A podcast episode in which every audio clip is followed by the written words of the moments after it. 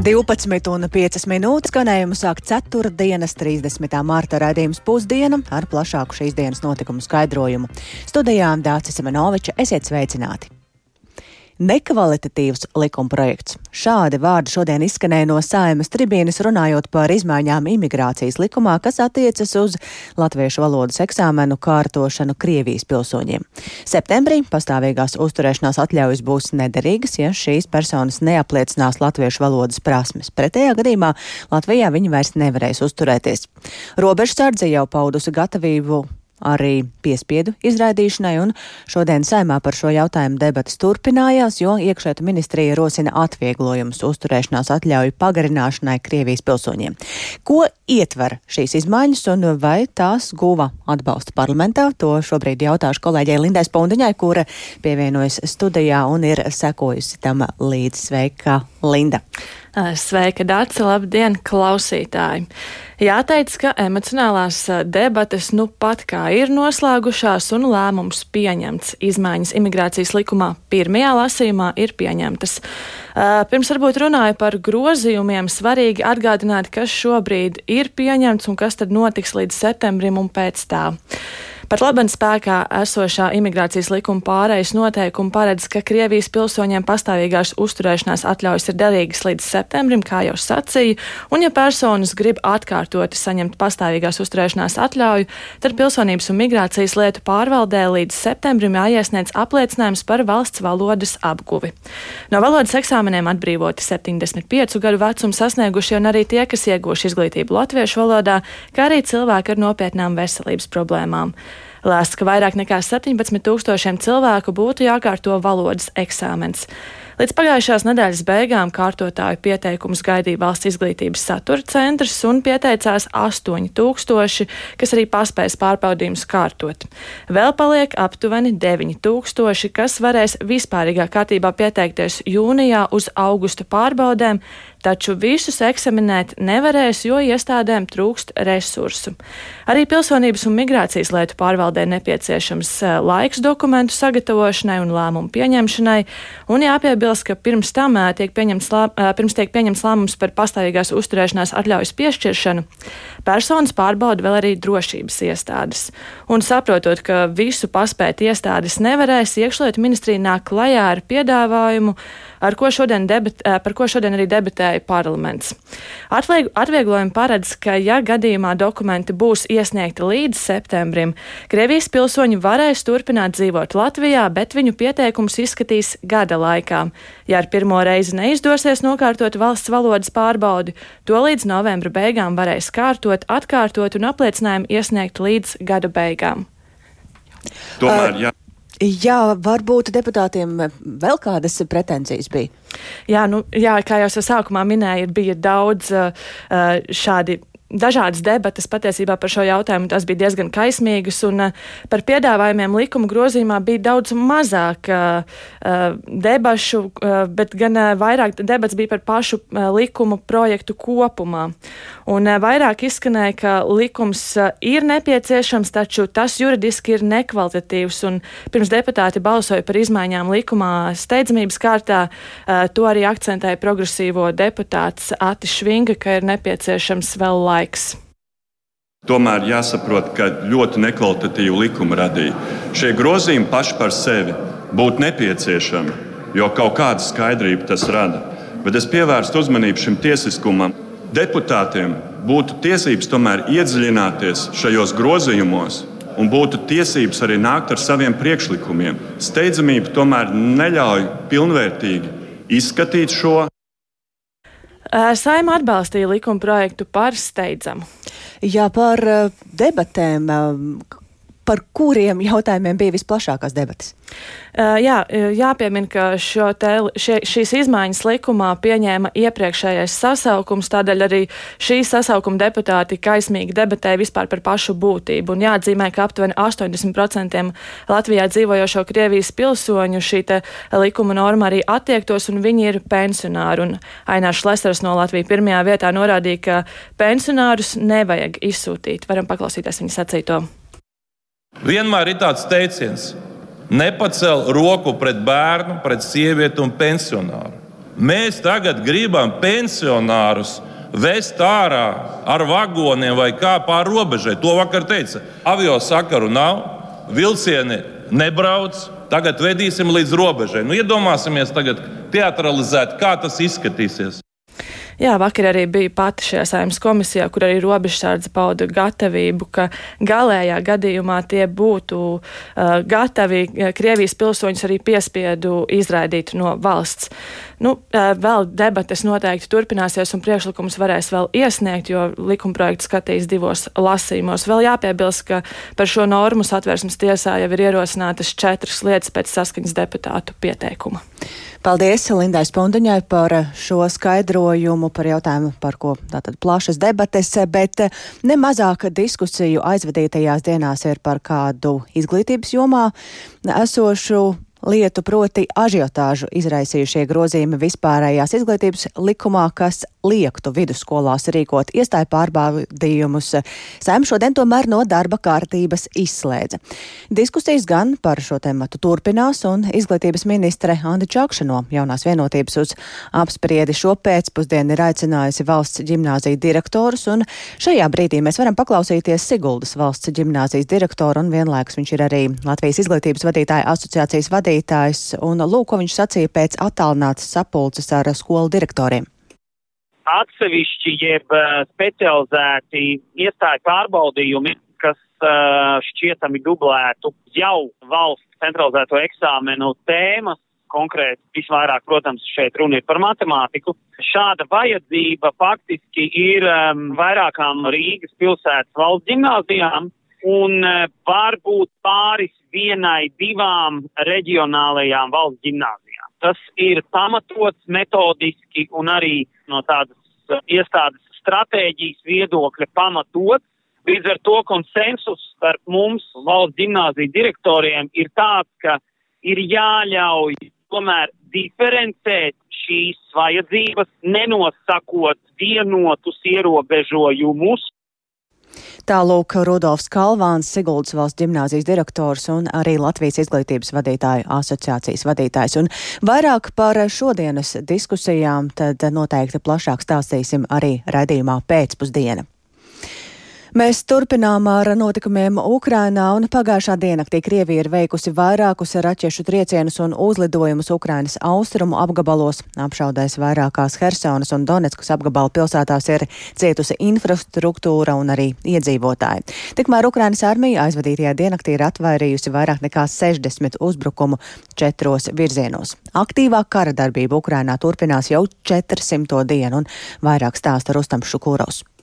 Kā vēsta Ukrainas armijas ģenerālštābs, iebrucēji galvenos uzbrukuma operāciju veikšanas spēkus koncentrē Limanas, Bahmutas, Avģīvkas un Marinkas pilsētu virzienos. Ģenerālštābs arī atzīmēja, ka šobrīd visi šie virzieni atrodas kara darbības epicentrā. Tikmēr Ukrainas aizsardzības ministrs Oleksijs Reznikovs sarunā ar medijiem informēja, ka Krievijas okupantu spēki izsmeļ savas iespējas. Ukrainas aizsardzības ministrs atzīmēja, ka Krievijas dzīvā spēka zaudējumi Bahmutā ir milzīgi. Pēc Reznikova teiktā, Bahmutas reģionā kritušo un ievainoto Krievijas karavīru skaits katru dienu sasniedz aptuveni 500. Tikmēr apspriežot Ukrainas karaspēka pretuzbrukuma varbūtību, Ukrainas bruņoto spēku ģenerālleitnants Ihors Ramaņenko atzīmēja, ka tas nevar tikt uzsākts, kamēr Ukraina neizpildīs strateģiskās aizsardzības uzdevumus. Ramaņenko uzsvēra, ka Ukrainas aizstāvjiem ir jāaptur ienaidnieka virzību uz priekšu, jāiznīcina pēc iespējas vairāk ienaidnieka dzīvā spēka un tehnikas, piespiežot Krieviju pāriet aizsardzībā. Šie uzdevumi vēl nav izpildīti, sacīja Ramaņenko. Ģenerālis arī atzīmēja, ka šobrīd varētu būt labākais laiks, kad to panākt, jo Krievijas karaspēks izritinās gar frontes līniju, mēģinot pasniegt kā būtiskus Avģīvkas virzienā gūtos panākumus. Krievi veicot uzbrukumus Ukrainas austrumu daļā pārvērtē savus spēkus tāpat, kā viņi to darīja kara sākumā, uzbrukot mūsu valsts ziemeļos. Tādēļ šobrīd viņi izretina savus spēkus austrumos, pat 1200 km garo frontes līniju. Nesenā nesanāk, resursa nepietiek. Ukraiņu ģenerālis arī uzsvēra, ka nākotnes Ukrainas karaspēka pretuzbrukumam varētu būt vairāk nekā viens virziens. Ģenerālis uzsvēra, ka tas būtu nepieciešams, lai vēl vairāk izratinātu Krievijas karaspēku gar frontes līniju, kas savukārt novājinātu tā iespējas atvairīt pretuzbrukumu. Rustams Šukurovs, Latvijas Rādio. Uzvaras definīcija ir jānosaka Ukrainai pašai, savukārt Amerikas Savienotās valstis būs kopā ar Ukrainu, cik ilgi vien nepieciešams. To intervijā Latvijas radio uzsver Amerikas Savienoto valstu vēstnieks Latvijā Kristofers Robinsons. Un viņš atzina, ka Krievijas prezidents Vladimirs Putins cer rietumus sašķelt, tādēļ ir jāstrādā pie tā, lai mēs būtu vienotāki nekā jebkad. Un kas ir lielākais drauds rietumu palīdzībā sniegšanai Ukrainai - potenciāls nogurums vai resursu trūkums, to kolēģis Rihards Plūme vaicāja Robinsonam. Es domāju, jautājums par nogurumu ir uh, godīgs jautājums, ko uzdot, un tādēļ šis žurnālistu darbs parādīt realitāti, kas notiek, ir tik būtisks. Pirmkārt, ir nepieciešams pretoties Krievijas dezinformācijai. Esam redzējuši šos melus no Maskavas par neonacistiem vai to, ka viņi nav uzbrukuši civilajiem mērķiem. Mēs zinām, ka tie visi ir meli. Mums vajag būt aktīviem cīnoties ar dezinformāciju un pasniegt reālos stāstus mūsu cilvēkiem un arī Krievu cilvēkiem par to, kas patiesībā patiesībā Ukrainā notiek. Ir arī jāsaglabā vienotība finansiālajā atbalstā, sankcijās un arī skatoties uz rekonstrukciju, jo šī diena pienāks, kad Ukraina būs pilnībā brīva, suverēna un aizsargās savas robežas, un mums būs jāpalīdz atjaunot Ukraina. Mums ir jābūt vienotiem ilgtermiņā un jāstrādā, lai pretotos riskiem. Putins cer mūs sašķelt, un mums ir jāstrādā virsstundās, lai nodrošinātu to, ka esam vienotāki kā jebkad. Pēc dažiem mēnešiem notiks Viļņas samits, un tā būs vēl viena NATO un sabiedroto vienotības attīstības demonstrācija.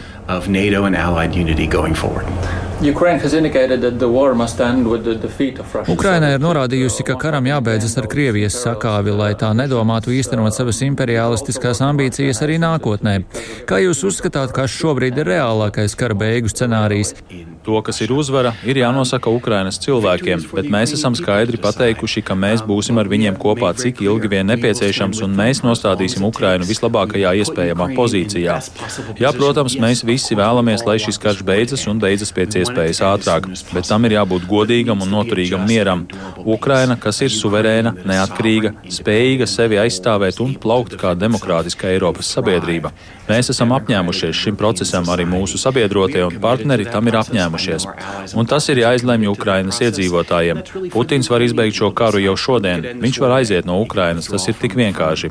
Prezidents ir bijis skaidrs savos vārdos. Mēs atbalstīsim Ukrainu, cik ilgi nepieciešams.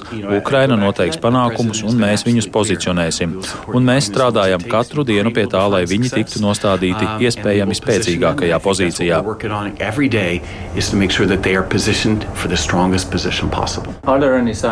Vai ir kādas pazīmes, ka Krievija varētu sabrukt no iekšpuses.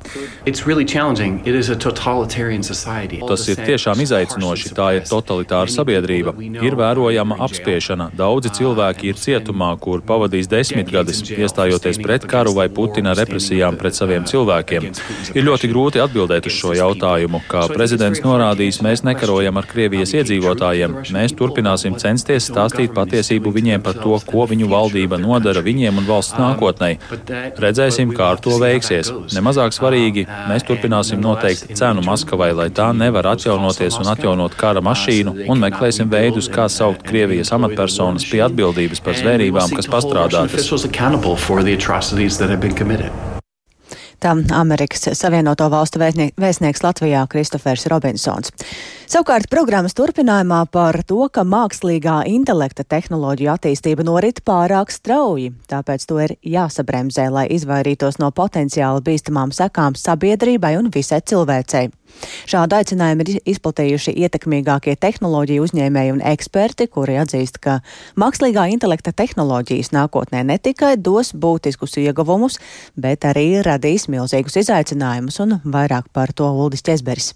Pēdējos mēnešos strauju popularitāti pasaulē ir ieguvis internetā brīvi pieejamais rīks Chat GPT, kurā var uzdot visdažādākos jautājumus, uz kuriem atbildes ģenerē mākslīgais intelekts. Chat GPT ir pašlaik zināmākais mākslīgā intelekta rīks, taču tehnoloģiju uzņēmumi aktīvi strādā pie daudz jaudīgākām mākslīgā intelekta tehnoloģijām, un tas ir radījis satraukumu. Vairāki no ietekmīgākajiem augsto tehnoloģiju uzņēmējiem un ekspertiem ir parakstījuši atklātu vēstuli, kurā ir teikts, ka, citēju, pēdējos mēnešos gados mākslīgā intelekta izstrādātāji ir iesaistījušies nekontrolējamā sacensībā, lai izstrādātu un ieviestu arvien jaudīgākus digitālos prātus, kurus neviens, pat to veidotāji, nevar saprast, paredzēt vai droši kontrolēt. Vēstules autori no nevalstiskās organizācijas The Future of Life Institute norāda, ka mākslīgā intelekta tehnoloģiju attīstība notiek pārāk strauji, bet tas varot nodarīt milzīgu kaitējumu sabiedrībai un cilvēcei. Tāpēc viņi aicina mākslīgā intelekta sistēmu izstrādātājus uz sešiem mēnešiem iepauzēt savu darbu, lai šajā laikā varētu izstrādāt drošības protokolu, kas novērstu iespējamās postošās politiskās un ekonomiskās sekas. Vēstulē ir uzsvērts, ka jaudīgas mākslīgā intelekta sistēmas ir jāizstrādā tikai tad, kad būsim pārliecināti, ka to ietekme būs pozitīva un to radītie riski būs pārvaldāmi. Vēstules parakstītāju vidū ir tehnoloģiju uzņēmumu SpaceX, Tesla un Twitter vadītājs Ilons Masks un viens no kompānijas Apple līdzdibinātājiem Stīvs Vozņaks. Raidsabiedrības Deutsche Welle tehnoloģiju eksperts Zulfikars Abanīs uzskata, ka šī vēstule ir tehnoloģiju nozares ietekmīgāko prātu palīgā sauciens.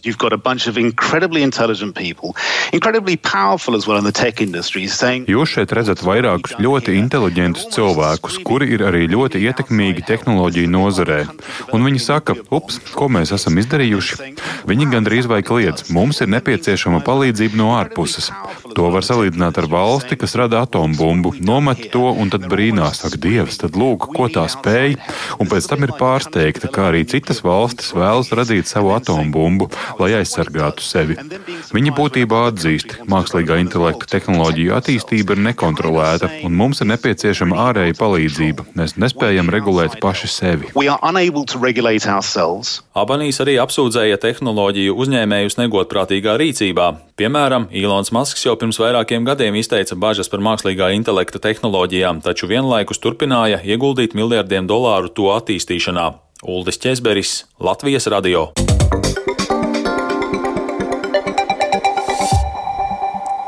Mēs atgriežamies pašmājās un dodamies uz Rēzekni, kur būvēs atkritumu pārstrādes cehu un turpat blakus arī katlu māju, kur dedzināt no atkritumiem iegūto kurināmo. Šādu lēmumu projektu ir atbalstījuši domas deputāti un vairāk par to stāsta Karina Važnai. Ideja par atkritumu pārstrādes ceha un arī katlu mājas izbūvi Rēzaknē, kur kopā ar Škeldu plānots dedzināt arī no atkritumiem iegūto kurināmo, ir diviem uzņēmumiem. Mēs esam uzvarējuši konkursā ar uh, alasu. Viņi ir izsludinājuši konkursu par materiālu, kas ir apglabājums uh, pārdošana, attiecīgi pakalpojumu sagatavošana naikam. Par uzņēmuma ieceri stāsta SIEGA 2.CLV pārstāvis Ainis Feldorfs, uzsverot, ka atkritumu pārstrāde visā pasaulē jau ir kļuvusi par nepieciešamību. Un tur arī ir paredzēts 8000 tonnas, ko mēs iepirksim no alus, kas tiks samazināts apjoms, kas nebūs apglabāts Križaunieku poligonā. To mēs arī pārstrādāsim, un lielāko daļu mēs arī gribam sadedzināt katlu mājā. Pārējo daļu mēs domājam aizvest uz Šveņku un attiecīgi sadedzināt tur. Reizeknas pilsētas domas pārstāve Natālija Siņicina uzsver, pašlaik pašvaldība ir tikai ierādījusi teritoriju atbilstoši pilsētas teritoriālajam plānojumam, lai uzņēmējs jau pēc valsts vidas dienesta tehnisko noteikumu saņemšanas varētu uzsākt tālāku idejas realizāciju. Darbībai uzsākšanai uzņēmumam valsts Eh, vidas dienesta jāsaņem tehniskie noteikumi. Un tad pirms to saņemt, eh, darbību jāsaskaņo pašvaldībām. Ar šo domes lēmumu tas saskaņotas darbības, jo tas nav pretrunā ar pašvaldības teritorijas plānojumu noteiktu. Tātad īpašumi atrodas teritorijās, kur paredzēts darbībām ir atļauta, tā kā tas ir tehniskas apbūves teritorija, kur viens no galveniem eh, teritorijas izmantošanas veidiem ir atkritumu apsaimniekošanas un pārstrādes uzņēmumu apbūve. Valsts vidas dienests arī lems, kādu prasību izpildu uzņēmumam būs jānodrošina, lai varētu uzsākt no atkritumiem ražot kurināmo un to dedzināt, turpina Natālija Siņicina. Dienests izvērtē, vai būs nepieciešams ietekmes uz vidi novērtējums, un arī sabiedriskas apspriešanas procedūra. Vides aizsardzības un reģionālās attīstības ministrijas vides aizsardzības departamenta direktore Rudīta Vesere uzsver, atkritumu apsaimniekošanas valsts plānā skaidri parādīts virziens, kādā jāvirza atkritumu apsaimniekošana valstī. 2035. gadā mēs drīkstēsim atkritumu poligonos apglabāt tikai 10% no radītiem sadzīves atkritumiem, un vismaz 65 ir jāpārstrādā. Tātad uh, paliek 25% starpība, kas nozīmē, ka tur ir tikai divas iespējas, vai nu vēl vairāk pārstrādāt. Tas nenozīmē, ka jāpārstrādā ir Latvijā, to var visu pārstrādāt arī uz citām valstīm. Vai, attiecīgi, tad ir šī te sadedzināšana, bet nevis vienkārši sadedzināšana, bet ar uh, atbilstoši sagatavot atkritumus un tālāk jau viņu sadedzināt speciālās sadedzināšanas iekārtās un šo siltumu izmantojot tālāk, piemēram, siltuma apgādē. Jau ir zināms, ka objekti, kur notiks no atkritumiem iegūtā kurināmā dedzināšana, plānoti Ventspilī un Jelgavā. Tālākais, ko atkrituma apsaimniekošanas plāns paredz, ka šādas sadedzināšanas uh, iekārtas varētu uzstādīt un veidot pie Rīgām, kur jau arī pirmie darbi un izpētes notiek. Tālāk viens tas varētu būt Latgalē un viens vidzemē. Pagaidām nav skaidrs, vai Rēzakne tiešām būs tā vieta Latgalē, kur tiks ierīkots atkritumu pārstrādes cehs un notiks no atkritumiem iegūtā kurināmā dedzināšana. Karina Važnaja, Iveta Čigāne, Latvijas radio studija Latgalē. Tik tālu par Rēzekni, bet Rīgas ielas pēc nedaudz vairāk kā mēneša piepildīs skriešanas entuziasti. Tieši šobrīd Rīgas maratona rīkotāji iepazīstina plašāk ar šī gada Rībī Rīgas maratona aktualitātēm, un skriet gribētāji šogad ir negaidīti daudz. Tā šorīt programmā Labrīt kolēģei Dārai Zīlai atklāja maratona direktors Aigars Norts. Maratons, kurā medaļu varēs nopelnīt tik viens, notiks 6. un 7. maijā, un paklausīsimies fragmentu no šīs sarunas. Interesi, manuprāt, ir pārsniegus pat mūsu prognozes. Izskatās, ka tautas sports tā pa īstam ir atvesaļojies no pandēmijas, jo skriešana, protams, ka ir populārākā tautas sporta disciplīna. Tad šī gadā mēs redzam, ka visās disciplīnās tā interese ir būtiski lielāka. Ne tikai Latvijas skrēja vidū, bet, protams, kā arī ārvalstnieku vidū. Mēs sagaidām pat līdz 70 valstu pārstāvjiem, kas ieradīsies Rīgā. Un uh, visās distancēs pilnīgi noteikti būs gaidāms pieaugums, sākot no pašas mazākās, kas ir DPD jūdzi, tikai 1609 metri. Un bērnu dienas, kas pulcēs līdz pat 8000 mazo ziķeru, un tad beidzot ar maratonu pusmaratonu, kas jau būs tās grūtākās un garākās distances, bet tās būs kopā ap 6000, un tad, protams, 5 un 10 km, kas ir populārākās svētdienas 7. maija distances. Tā kā kopumā mēs varam būt ļoti apmierināti, un es domāju, ka ne tikai Rīgas maratons, bet pēc tam arī visa pārējā sezona vasarā liecina, ka būs aktīva, cilvēki ir atguvuši kustēšanās prieku. Būs arī pasaules līmeņa kādi superskrējēji, maratonisti. Šogad esam uzstādījuši par mērķi, ka Rīgas maratons mājā ir kā ģenerāla mēģinājums pasaules čempionātam, kas savukārt Rīgā notiksies rudenī. Tāpēc maijā tas fokus mums būs pašā uz Latvijas vadošajiem skrējējiem, bet nu, to mēs gan varam teikt, ka skries maijā visi vadošie, kas patreiz mums ir sākot no Dmitrijas ar Jolginu, beidzot ar Agatu Cauni, kas ir jaunākā uzlācošā zvaigzne, un beidzot, protams, arī Lena Prokopčuku, kas atgriezīsies jūtas distancē kopā ar visu ģimeni. Ja bet uh, fokus uz pasaules elitu būs rudenī, kad Rīgā ieradīsies nu, no 300 līdz 400 pasaules vadošie skrēji, tiešām superzvaigznes. Un arī pasaules čempionātā varēs skriet jebkurš uh, tipinātājs, jebkurš sēdienas skrējējs. Tas būs tās unikāls pasaules čempionāts ne tikai priekš mums, bet visā pasaules vēsturē. Mm, skaidrs, ka no 6. līdz 7. maijam Rīgas ielās skries teju vai visi.